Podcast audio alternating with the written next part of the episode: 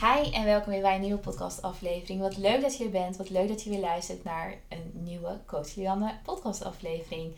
Vandaag heb ik weer iemand te gast. Super leuk dat je er bent. Dionisia, welkom. Dank je.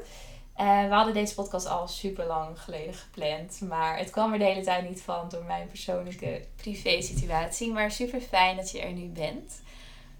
En je zit hier ook tegenover mij, dus super leuk dat je langskomt in Amsterdam. Ja, super gezellig. Want je woont nu net ook in Amsterdam. Ik woon in Amsterdam. Ja. Uh, heel blij mee. En uh, ik voel me helemaal thuis. Dus. Ja.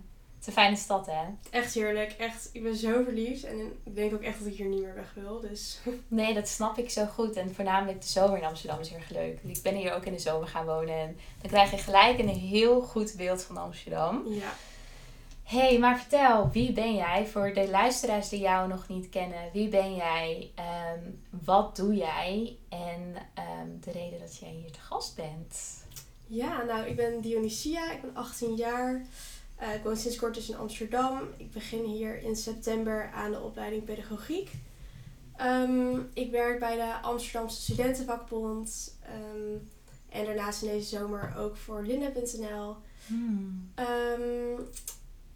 Ik ben hersteld van anorexia en heb daar heel lang over geschreven op mijn Instagram, uh, I'm Dionysia. Uh, ondertussen ben ik daar een stuk minder mee bezig, omdat, het, ja, omdat ik veel minder bezig ben met um, mijn eetstoornisherstel, omdat ik mezelf al, ja, omdat ik hersteld ben. ja. Um, en ja, zo zijn we met elkaar in contact gekomen en uh, ben ik super blij met je uitnodiging. Ja, ja, heel erg leuk dat je de tijd wilde maken om hier te zijn. En ook al voel je misschien minder in contact met je eigen social media, dat je toch de tijd neemt om al mijn volgers en misschien ook een deel van jouw volgers ehm, in jouw verhaal mee te nemen.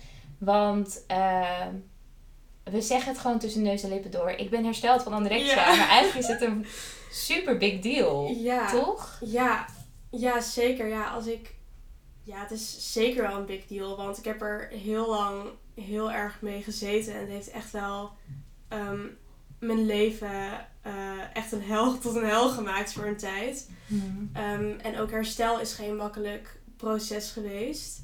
Um, maar ondertussen voelt het gewoon alsof ik gewoon weer helemaal vrij ben. En dat is echt, dat is echt heerlijk, ja. Ja, het is gewoon eigenlijk bijna niet in woorden te beschrijven wat er verandert als je hersteld bent. Of ehm, ook voornamelijk als je in dat diepe dal van herstel zit op dit moment. Ja. Dat het bijna voelt alsof je daar nooit uit gaat komen. En als je daar dan, hè, nu zit je hier en dan denk je echt, wow, er is zoveel veranderd in best wel een korte tijd. Want kun je mij eens uitleggen um, hoe de eetstoornis bij jou begon en wat was, wat was het eigenlijk het hele traject wat je hebt belopen? Ja, mijn eetstoornis begon uh, in de zomer van 2019 ongeveer. Um, ik deelde op dat moment best wel. Oké, okay, wacht, heel hard uit. Um, ik deelde op dat moment, op dat moment, zo. Ik deelde op dat moment met best wel wat in mijn leven. Uh, en ik wist niet zo goed hoe ik daarmee om moest gaan. Uh, en ben me daarom compleet gaan focussen op eten. Nou, eigenlijk niet eten in mijn geval dan. Uh, en sporten. en ik merkte dat dat me een heel goed, heel fijn gevoel gaf. En een gevoel van controle wat ik heel erg miste. Um, en zo ben ik steeds meer. en ik ben steeds meer um, me gaan verliezen in eetgestoorde gewoontes. Um, waardoor het uiteindelijk tot een eetstoornis leidde. Um, ik ben toen ongeveer een half jaar later gediagnosticeerd met anorexia. Uh, mijn moeder me naar de huisarts had meegesleept omdat ik me al heel lang niet ongesteld was geworden. Hmm. Um, ik werd toen doorverwezen naar een eetstoorniscentrum en daar heb ik nog een keer de diagnose gekregen uh, en ben toen na een somatische controle bij mijn kinderarts meteen doorgestuurd naar het ziekenhuis. Um, en dit was in maart 2020. Oh, dat is echt nog dus, maar twee jaar geleden. Ja, klopt. Ja. Uh, en toen begon ook de hele coronacrisis. Ja. Uh, toen ik net uit het ziekenhuis was, toen gingen alle scholen dicht. En voor mij was dat ergens een beetje geluk bij het ongeluk. Want... Hmm. Uh, mijn lessen, ik mocht niet meer naar school ook, maar daardoor kon ik mijn ik kon alsnog wel mijn lessen online volgen. Mhm. Eh, mijn moeder moest ineens thuis werken, dus die kon mij ondersteunen in mijn eh, herstel. En ondertussen begon ik aan een eh, groepsbehandeling. Eh, en dat ging wel helemaal online. Hmm. Daardoor werkte het ook eigenlijk totaal niet voor me. Ik kan me heel goed voorstellen. Ja, ja. Ehm, en op een gegeven moment, een half jaar lang, ging het nog steeds niet goed. Ik maakte geen stappen. Eh, ik werd eigenlijk alleen nog maar zieker, zowel mentaal als fysiek. Ehm, en op een gegeven moment toen werd er tegen me gezegd van... ehm, ja, we kunnen niet meer... We kunnen je niks meer bieden als je niet gaat meewerken. Eh, dus ik kreeg ook geen individuele therapie waar ik toen om had gevraagd. Want ik dacht, dat zal vast beter werken dan groepstherapie. Ja. Maar dat verzoek werd afgewezen. Eh, en toen ben ik eh, gestart met coaching bij Isa Bauer. Ik weet niet of je dat kent. Daar heb ik voor gewerkt. Oh, oké. Ja, Interessant. En dat hielp wel enorm, want daardoor daar kreeg ik veel meer ehm, individuele hulp. Waar, ja, wat echt hartstikke nodig is. Want in een groepje van acht heb je nooit, zeg maar, de, kan je nooit de aandacht krijgen voor je eigen persoonlijke problemen die je wel krijgt in, bij individuele coaching. Ja. Ehm, dus dat heeft me enorm gehelpen. dat heeft me enorm geholpen. Ja. En toen in september gingen de scholen weer open, volledig. Ehm, eh, vanwege maar, corona en zo. En ik mocht nog niet naar school. En ja, pas toen zag ik eigenlijk in wat ik allemaal miste. Hmm. Eh, want eerst zag ik dat natuurlijk niet, omdat alles dicht was. Ehm, en daardoor ben ik gaan inzien van oké, ehm, misschien is herstel toch wel... Zeg maar, pas toen zag ik in wat mijn eetstoornis me...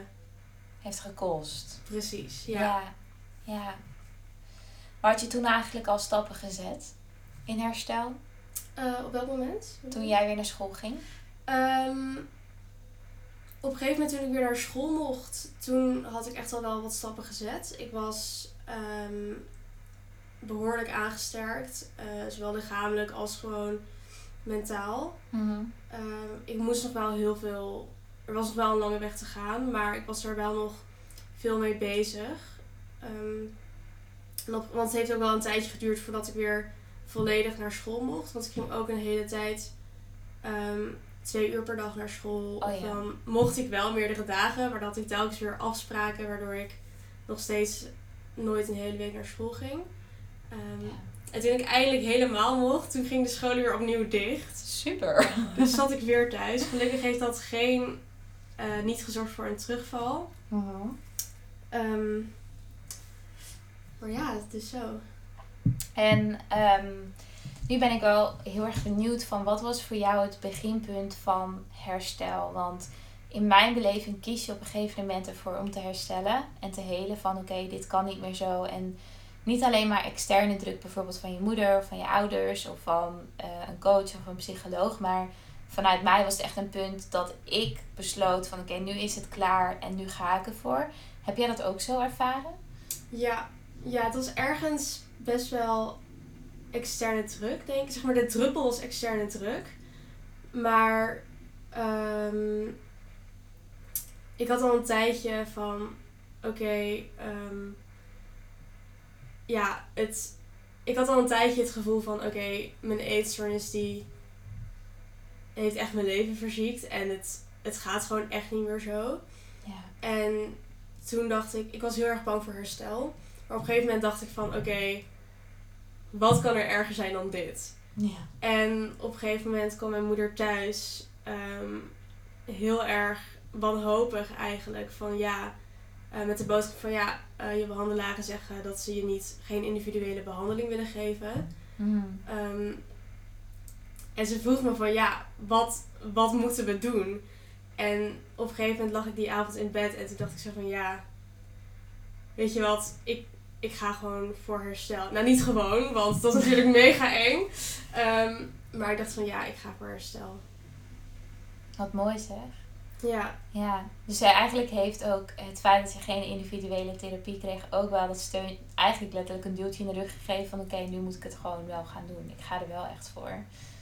Ja, dus iets negatiefs heeft ook alweer een positieve uiting gehad? Of zeg ik dat nu heel makkelijk? Nee, dat zeg je eigenlijk best goed. En zo had ik er eerder niet echt over nagedacht. Hmm. Ehm, maar ja. Maar hoe was dat keerpunt dan voor jou? Voor mij was het eigenlijk dat er een, een vraag, of nou ja, een, meer een opmerking werd gemaakt van oké, of je wordt nu opgenomen, of je moet nu echt iets gaan doen. Dus um, ik zat echt in een heel diep dal. En het is wel vaker zo dat als jij begint in heling en in herstel en je begint met het uitdagen van je huidige patroon, natuurlijk komt er ontzettend veel angst. Dat je ook zei van ja, ik, ik ging niet zomaar voor herstel, want ik vond het ontzettend eng om te herstellen. Vaak is dat ook ons brein en ons zenuwstelsel wat bang is voor verandering en wat in hetzelfde patroon wilt blijven. Dus echt die oermens overlevingsdrang. En ik was mezelf toen wel aan het uitdagen, maar ehm, het ging lichamelijk toen fysiek gewoon echt niet goed. En um, ik kreeg daarbij dan ook nog een diagnose depressie. Nou ja, super, heel fijn, nog een diagnose, gezellig. En toen zeiden ze van ja, of je wordt nu opgenomen in het ziekenhuis, um, of in een kliniek, of wat dan ook. ja, of je moet nu echt iets gaan doen. En toen dacht ik, ja, ik ga niet naar het ziekenhuis, ik ga niet naar een kliniek, dat past niet bij mij dat werkt niet voor mij om met andere mensen te zitten die ook hierin zitten. Want dan, in mijn beleving, dat, dat rationeel had ik wel, dan wordt het alleen maar erger met mij ook. Ja, snap ik. Um, want iedereen die in de kliniek wordt gestopt, in mijn beleving, ik doe nu twee vingers tussen aanhalingstekens, die zitten daar omdat ze zelf waarschijnlijk niet willen. En toen dacht ik, ja, maar ik wil wel. ik wil wel herstellen. Dit is niet wie ik ben. Ik keek mezelf toen ook in de spiegel aan die avond. dacht ik, ja, dit is niet wat ik wil. Dit is niet wie ik ben. Maar dan moet ik er wel zelf iets voor doen. En dat was voor mij echt het punt van oké, wat kan ik dan nu gaan doen aan het herstel? En toen ben ik zelf maar een beetje begonnen. Oké. Dat was mijn keerpunt eigenlijk. Oké. En hoe ben je dan begonnen? Hoe ik ben begonnen is voornamelijk eerst begrijpen waar ik in vastliep. En voor mij werkte het heel erg om te begrijpen hoe mijn brein werkte, hoe mijn zenuwstelsel werkte. Um, dat stukje Minnesota Starvation Studie Ehm, daar heb ik ooit een blog over geschreven. Dus als je niet denkt, waar heeft het over? Check even een blog. Ik link wel even ook in de podcast. Maar ehm, het begrijpen dat um, restrictie obsessie creëert. En dat elke keer als ik een patroon uitdaag, dus bijvoorbeeld meer ga eten of bepaalde dingen eet die ik een hele lange tijd heb ontweken omdat ik de overtuiging heb en het verhaal eromheen heb gecreëerd dat het ongezond is of niet goed is voor mij. Dat als ik dat gedrag verander, dus het wel eet, dat in eerste instantie de overlevingsdrang van mijn zenuwstelsel omhoog kwam. En uh, mij wilde beschermen voor iets wat mij eigenlijk in leven zou houden. Dus die tweestrijd begrijpen, leren hoe ik mijn zenuwstelsel kon reguleren door er doorheen te ademen, mezelf doorheen kon dragen en het dan wel ging eten. Het werkte voor mij ook om minder te vechten, meer te omarmen, mijn overtuigingen om te zetten. Dus een stukje toch wel NLP heb gedaan, ook op mezelf. Um, en daarover te praten. Ik heb heel veel lichaamswerk ook gedaan, dus met een holistisch therapeut gewerkt. Um, die mij weer in balans kon brengen, maar ook op gevoel en emotie ging leren. Hè? Dus echt leren hoe kon ik met emoties omgaan, hoe kon ik met gevoel omgaan.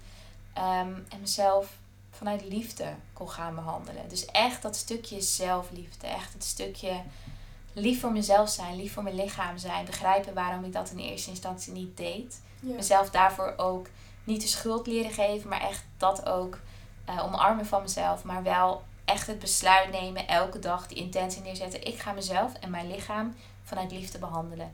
Ook al voelde ik dat niet altijd, ik deed het wel. En daardoor voelde ik het op een gegeven moment ook, omdat ik mijn gedrag veranderde. Ehm, en echt tools en oefeningen om dat gedrag te veranderen. Dus bijvoorbeeld als ik intens in die paniek schoot, mijn handen onder de koude kraan, ademen, shaken en doorgaan. Um, dat soort dingen werkte voor mij. En hoe ik daarbij kwam was onderzoeken lezen. Want vroeger, hè, voor mij is het natuurlijk al bijna 15 jaar geleden dat ik in herstel uh, stapte. Nou, dat is overdreven. 10 jaar misschien, of 11 jaar er was eigenlijk vrij weinig te lezen. Er was geen Instagram. Instagram bestond gewoon nog helemaal niet. Hè? Er waren alleen maar boeken. Er werd weinig gesproken over eetstoornissen. Maar in Amerika waren er veel onderzoeken gedaan erover. En in Nederland niet. Dus ik las letterlijk elk Amerikaans onderzoek over eetstoornis herstel. Over eh, wat het is als je brein onder voet is. Als je lichaam onder voet is. Wat gebeurt er dan met je? Ja, ik ben echt een onderzoeker. En dat heeft mij echt geholpen. Wauw. En dat is wat ik nu ook deel in al mijn sessies. Maar ook in al mijn academies. Mijn online academy, Intuitive Leaders Academy. Dat is hoe ik ben hersteld. En dat is wat ik daar ook in deel. Ja. Wauw. Ja, ja, dat onderzoeken herken ik ook wel heel erg. Hmm. Want toen ik echt in mijn eetstoornis zat, was het heel erg ehm, eten onderzoeken en bewegen en ehm, heel, zeg maar, maar heel obsessief, zeg maar. Ja, ja, alles op zoek Google. Ja, Ja, oh, dat herken heel ik erg, ja. Ja. En zodra ik aan herstel begon, eh, begon ik inderdaad te kijken van... eh, Oké, hoe werkt het nou echt in je brein? En heel veel TED-talks over eetstoornis hebben me ontzettend geholpen. Oh ja. Want inderdaad, zodra je zeg maar weet wat er in je brein omgaat, dan weet je ook wanneer die je ehm, Voor de gek houden. voor de gek houdt, Ja. inderdaad. En wanneer je juist iets anders moet doen. Ja. En ja, dat herken ik heel erg. Ja. En hè, ik heb natuurlijk nu gedeeld hoe ik ben begonnen, maar hoe ben jij dan begonnen? Ehm, ik ben begonnen met het houden aan mijn eetlijst, Ja. denk ik. Want ik smokkelde daar heel veel mee en ik loog er heel veel over. En echt die zelfsabotage de deur. Zo van, ik ga mezelf niet meer saboteren. Ja. Dit is wat ik ga doen. Ja, die herken ik ook. ja, klopt. Echt En- eerlijk naar jezelf zijn eigenlijk. Precies. En Ja. eerlijk naar mijn moeder, ehm, ook wanneer ik iets, als ik toch had gesmokkeld, dat ik toch zei van, oké, ik heb dit niet durven eten, ehm, maar kunnen we dit toch nog samen doen? Ehm, Dus echt om hulp vragen. ja, om hulp vragen eigenlijk. En eh, uiteindelijk ook mijn ervaringen delen op Instagram. Dat heeft me heel erg geholpen.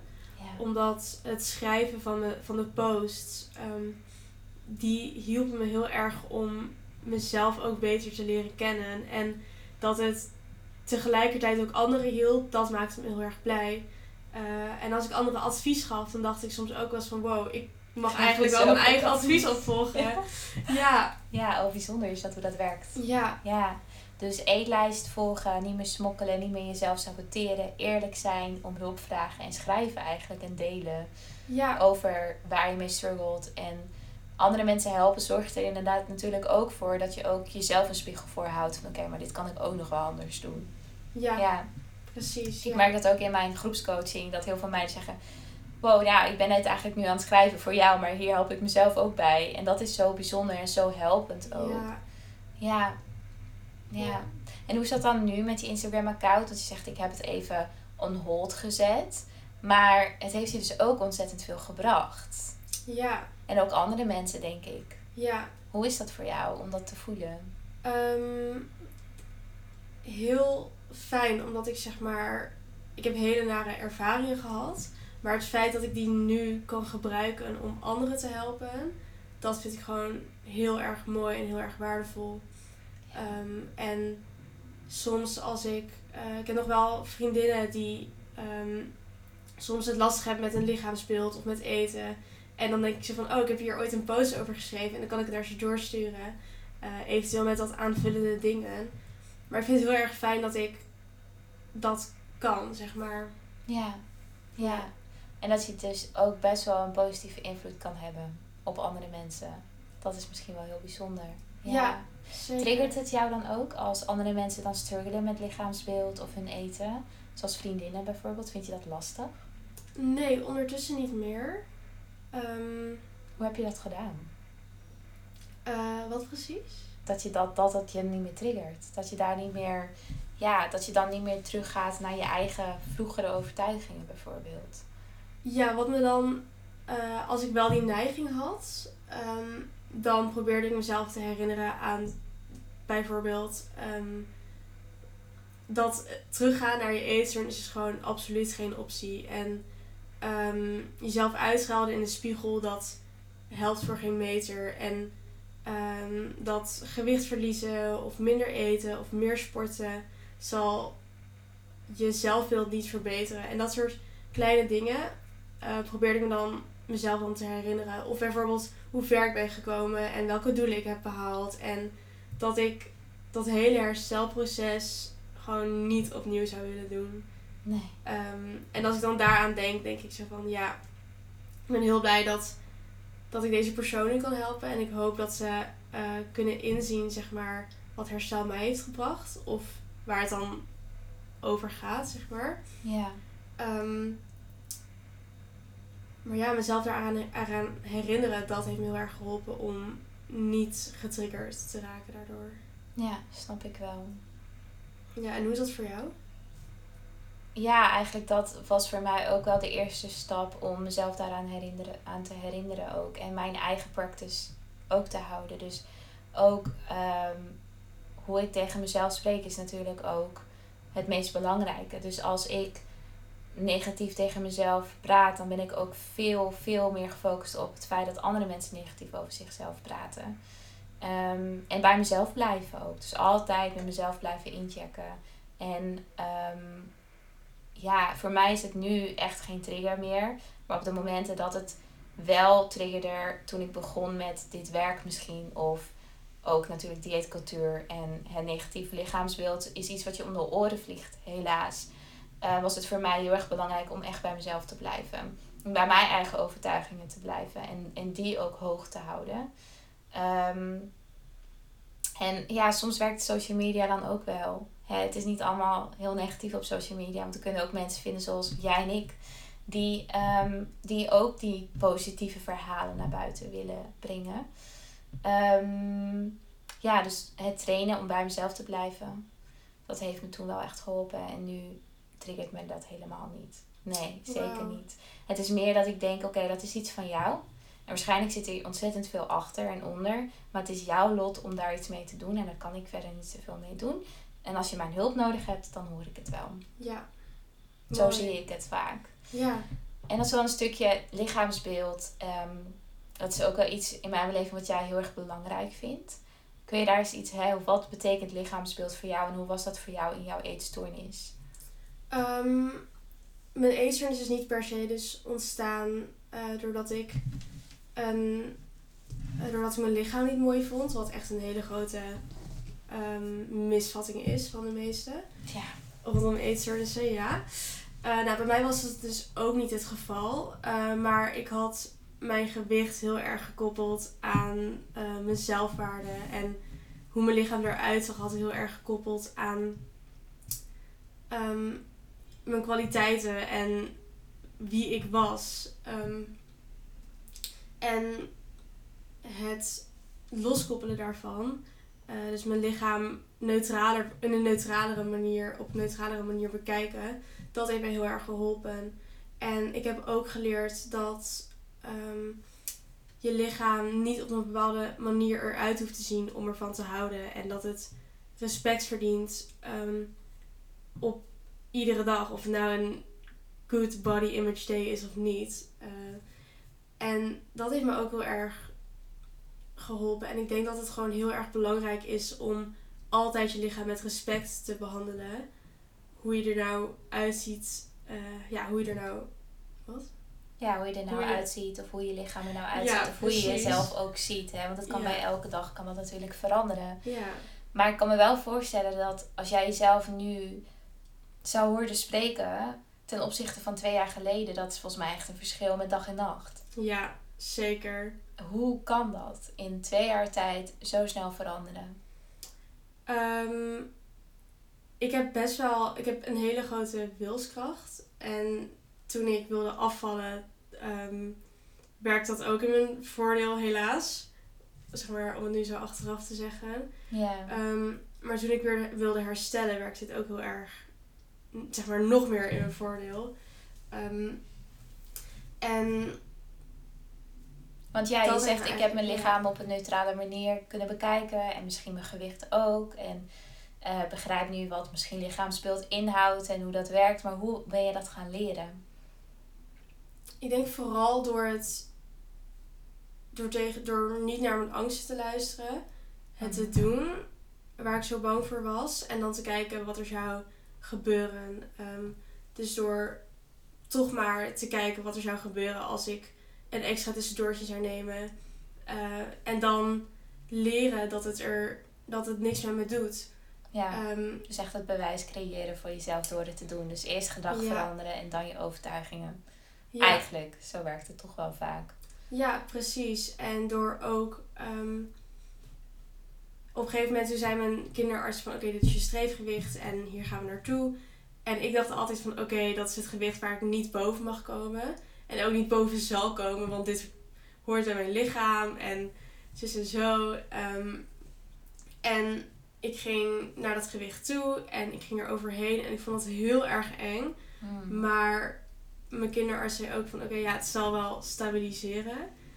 En nou, het bleef maar omhoog gaan. En ik dacht van oké, wanneer gaat het nou stoppen, het, het aankomen? Ehm, want ik vond het echt ontzettend eng. Ehm, maar ik dacht telkens van oké, ik laat het los. En ik zie, ik ga gewoon kijken wat er gebeurt. En inderdaad ehm, begon mijn gewicht te stabiliseren. En het bewees opnieuw van oké, als ik luister naar mijn lichaam en als ik het, het eten geef wat het nodig heeft en als ik mezelf de rust geef die ik nodig heb, dan komt het echt wel goed. Ja. En dat is iets wat ik nu heel erg makkelijk zeg, maar wel iets wat ik echt heb moeten uitvinden en echt, ehm, Jezelf hebt moeten bewijzen. ja, Ja, want dit is ook een angst die ik van ontzettend veel cliënten hoor. En ook veel deelnemers van Intuitive Leaders Academy. Is dat als ik, ja, als ik vrijer ga eten en dat uit ga dagen, dan blijf ik aankomen. En jij hebt ervaren dat het wel op een- tot op zekere hoogte, dat jouw lichaam dat ook deed. Maar ook weer ervaren dus dat het uiteindelijk weer in balans komt. ja, Ja, en dat is vaak ook hoe het werkt. Natuurlijk ook eh, fysiek wijs zou jouw lichaam eerder dingen vasthouden omdat het jou niet vertrouwt. ja, En op het moment dat het op het punt komt waarin het in homeostase komt en jou vertrouwt, gaat het weer terug naar een plek waar het het meest gezond op is en het meest op thrived eigenlijk. ja. Ehm, en ik kan voor iedereen die dit nu luistert, denkt, oh my god, ik blijf dus aankomen. What the fuck, help, dat wil ik niet. Wat zou je dan tegen diegene nu zeggen? Wat zou jou hebben geholpen? Nee, wat mij zou hebben geholpen is denk ik ehm, dat iemand eerder tegen mij had gezegd van je gewicht zegt niks over je gezondheid of hoe je lichaam eruit ziet. Ehm, want op dat moment dacht ik ook zo van shit, ja, over x aantal kilo gaat mijn lichaam er echt zo uitzien en dat wil ik helemaal niet. Of over zoveel kilo dan ben ik helemaal niet meer gezond en dat wil ik niet. Terwijl ehm, ik echt wel kan zeggen dat in, de, in het begin van, mijn, eh, van het herstellen in gewicht eh, ben ik heel snel heel veel aangekomen. Maar dat was eigenlijk achteraf gezien bijna niet te zien in mijn lichaam. Ehm, en als ik dat eerder had geweten, had het misschien wel. had het het accepteren van dat aankomen wel makkelijker gemaakt, denk ik. Ja, en niet vastpinnen op een streefgewicht. Ja, Hè? Want Ook. dat is, het is natuurlijk iets wat eh, artsen doen om ja, een, een, een lijn te kunnen creëren en dat het wel moet gebeuren. Maar uiteindelijk weet je lichaam altijd het beste en mag je daarop vertrouwen. Ehm, en dus in mijn beleving ook je gewicht niet weten. ja, Dus echt focussen op gevoel, op emotie, op het doorbreken van je eetpatronen, het doorbreken van je angsten rondom eten. Ehm, en het vertrouwen op je lichaam en leren zakken ook in je lichaam, lichaam in dat vertrouwen. En het dus ook niet meer zien als een cijfertje of als een gewicht wat je moet behalen. Ehm, maar echt leren, leren vertrouwen. ja, En dat vertrouwen creëer je natuurlijk ook door je gedrag te veranderen. En dus, dus ook jezelf te bewijzen dat het uiteindelijk altijd goed komt. Alleen je moet gewoon door die angst heen. En je moet door eh, best wel een zware periode heen om daar te komen. In mijn beleving. ja, Vanuit mijn eigen ervaring en ervaring van cliënten die soms ook echt zeggen: ja, wordt het echt beter? Hè? Ga ik straks echt er minder mee bezig zijn? En gaat mijn lichaam in die balans komen? En stop ik ooit met, met aankomen of met die extreme honger ervaren? Zeg, ja, zeker. ja. Alleen als je nu doorgaat. En hoe, hoe heb jij dat ervaren, dat hele proces van doorgaan terwijl al die vragen in je hoofd spoken? Ehm, voor mij werkt het heel erg om mezelf te onttrekken van, van mijn hoofd, eigenlijk van mijn gedachten. en veiligheid te vinden in mijn lichaam. En dus ook voor mezelf hardop uitspreken: ik vertrouw je en we doen dit samen. Dus geef maar aan wat, het nodig, wat je nodig hebt en daar moet ik dan maar naar luisteren. Dus het was voor mij een heel groot deel overgave. Overgave aan wat er gebeurde en overgave aan mijn lichaam. En dat was echt in periodes ontzettend eng, zeker. En, en ook hè, dat ik soms echt wel een beetje paniek had. Oké, maar stopt het ooit? Stopt die honger ooit? Stopt het aankomen ooit? Maar ik wist ook, en dat las ik in elk onderzoek ook weer terug, wat ik las, dat het stopt gewoon. Want jouw lichaam wil gewoon gezond zijn. Ja. En het enige wat ik ook intern wilde, wat mijn ziel wilde, was gezond zijn. Hè?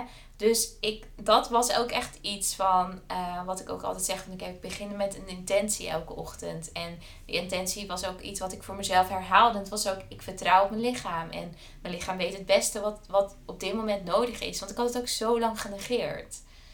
Dus logisch dat het even denkt, oké, okay, reserves opbouwen. Want wie weet wat Lian over een jaar weer gaat doen, weet je wel. Ja. Um, ja, en dat begrijpen en dat omarmen. En niet zo hard zijn de hele tijd voor mijn ja, lichaam. Ja. Niet het zo hard negeren de hele tijd. En zo, ja, ik bedoel, mijn lichaam verdient het ook totaal niet. Um, en ja, het enige waar ik het leven mee moet, door moet, is mijn lichaam. Maar ook het enige wat mij, wat mij door het leven heen brengt, is mijn lichaam. Um, dus ook het onttrekken van een spiegel zorgt ook voor veel meer rust. Weet je wel, dat bodychecken. Ook gewoon daarin niet meer mezelf saboteren om het wel te doen. Nee, ik onttrek mezelf van mijn lichaam, van mijn lichaamsbeeld. En ik daal in mijn lichaam, in het gevoel. Um, en daar heeft ademhalingswerk bijvoorbeeld mij heel erg mee geholpen. En mediteren. Um, en, en ja, op mezelf vertrouwen. Ook al voelde dat niet altijd zo. Ja. Ja. Ja, en ik ben ook wel heel erg benieuwd als je terugkijkt naar die periode van de afgelopen twee, drie jaar. Zijn er dingen die je anders had willen doen? Nee, ik denk het niet. Um, natuurlijk heb ik heel veel dingen waarvan ik denk van... Uh, ja, door de eetstoornis heb ik dit gedaan en dat vind ik... Dat zou ik nu nooit doen. Um, maar ik heb er geen spijt van, want ik weet ook dat de mindset die ik toen had was niet gezond. Dus ik vind het niet eerlijk om dan met die, zeg maar, met die, met dat wetende, om dan zeg maar over mezelf te oordelen. Nee. Um, en uiteindelijk heeft het me gebracht waar ik nu ben. En ik ben daar heel erg blij mee. En ja. Uh, ik ben heel erg dankbaar voor de dingen die ik heb geleerd. En de. Um, ja, en de bevindingen, zeg maar, die ik heb gekregen. Um, want ik ben heel erg dankbaar nu voor alle kleine dingen, omdat ik me zo erg slecht heb gevoeld, zowel mentaal als fysiek. Um, en daar, dat vind ik heel erg waardevol. Ja. Mooi, ja. En dat is vaak die laatste helings. Um, wat dat ik ooit heb geleerd is dat dat laatste stukje van heling is andere mensen helpen. En daarvoor komt dankbaar zijn voor het feit dat dit jouw verhaal is omdat het je ontzettend veel brengt. Um, dat had ik in eerste instantie nooit kunnen denken. Dat ik dankbaar zou zijn voor alles wat er is gebeurd als je erin zit. En nu denk je, ja, wow, maar anders had ik hier nooit met jou gezeten, toch? Ja. Dus dat is heel erg bijzonder. Ja. En nu ben ik ook wel benieuwd dat stel nou uh, een luisteraar zit nu in herstel van een eetstoornis en denkt echt ik, oh my god, ik, ik kom hier niet uit of wat moet ik doen of, of hè, het is heel zwaar. Wij hebben daar natuurlijk allebei gezeten. Wat zou je dan diegene mee willen geven? Dat herstel echt mogelijk is. Mm um, want je zit misschien op een punt waarop je denkt van oké, okay, dit hoort zo bij mijn leven. En of um, mijn leven bestaat letterlijk uit mijn eetstoornis. Dat je op een gegeven moment op, in zo'n bubbel komt te leven. Waarin alles draait om eten, gewicht, bewegen en je lichaam. Ja. Um, dat het heel lastig is, kan zijn om te bedenken dat je nog zoveel in je hebt. Um, dus ja. Ja. En er is een heel ander deel in jouw leven. Of er is een heel ander hoofdstuk wat je kunt beginnen op het moment dat je start. Of dat je nu doorgaat met herstel. Ja. En wij zijn het voorbeeld dat het kan. En wij weten dat het kan. En we zijn hier ook voor jou om te laten herinneren en te blijven herinneren ook van je kan herstellen. Ik bedoel, twee jaar of een jaar lang of anderhalf jaar voor jou in herstel en kijk waar je nu staat. Doordat je bent doorgegaan. Ja. Dus dat is echt wauw, bijzonder en zo mooi om te horen. Ja. Ehm, nu heb ik alleen nog de laatste vraag voor jou. De, de vraag die ik iedereen stel die uh, te gast is in mijn podcast. En de eerste vraag is: wat betekent uh, zelfliefde voor jou? Um, ja, ik heb het net natuurlijk, ik heb het wel eerder gezegd, maar ik denk vooral het um, goed behandelen van mijn lichaam, no matter what, zeg maar. Dus ja. uh, hoe ik me ook voel. Onvoorwaardelijk. precies, inderdaad. Ja. Dus ja, hoe ik me ook voel die dag over mijn lichaam wat er dan ook gaande is in mijn leven. Uh, dat ik gewoon altijd probeer om lief voor mezelf te zijn en goed voor mezelf te zorgen. Ja, mooi, onvoorwaardelijk. Goed voor mezelf zorgen. En, maar dat probeer ik tenminste. Natuurlijk gaat dat ook met ups en downs, inderdaad. Uh, maar dat is wel altijd iets waar ik, aan, waar ik mezelf aan probeer te herinneren. Mooi. En wanneer heb jij voor het laatst vrijheid ervaren? Oeh, wat een mooie vraag, maar heel lastig. Kan, het kunnen echt kleinste dingetjes zijn. Ja. Misschien, welke dag is het vandaag? Maandag. Maandag. Oh, um, ik denk eergisteren nog. Toen was ik naar een uh, concert van Vivaldi. Hmm. Um, en het was echt, ja, heel mooi. En klassieke muziek voelt gewoon echt als een soort van warme knuffel of zo. En op zo'n moment voel ik me dan gewoon, ja, gewoon ja, eigenlijk echt vrij. Um, Mooi. En het overgeven, het overgaven aan, aan de muziek en ja. het tot je laten komen. Ja, inderdaad. En ook gewoon nergens anders mee bezig zijn dan die muziek. Ja, want ja. vroeger was het natuurlijk altijd die eetgedachtes. En nu ja. kon je eindelijk focussen daarop. Ja. Mooi. Ja. En um, hoe luister jij naar je intuïtie? De laatste. Ik denk door te schrijven.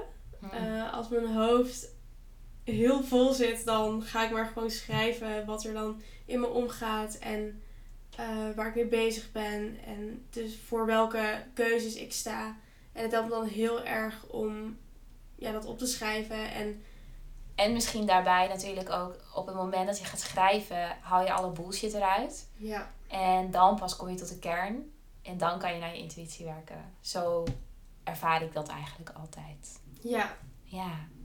Oké, dan ronden we hier de podcast aflevering af. Super leuk dat je er was. Dat je de tijd vrij nam om uh, hier te komen en de podcast op te nemen.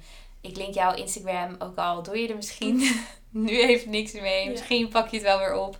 Even in deze podcast aflevering. Want de posts die je tot nu toe hebt geschreven zijn super waardevol. En um, ja, misschien gaan we ooit nog een keer een podcast opnemen. Dankjewel. Dank dat je jij bedankt voor het mooie gesprek en de uitnodiging. Dankjewel.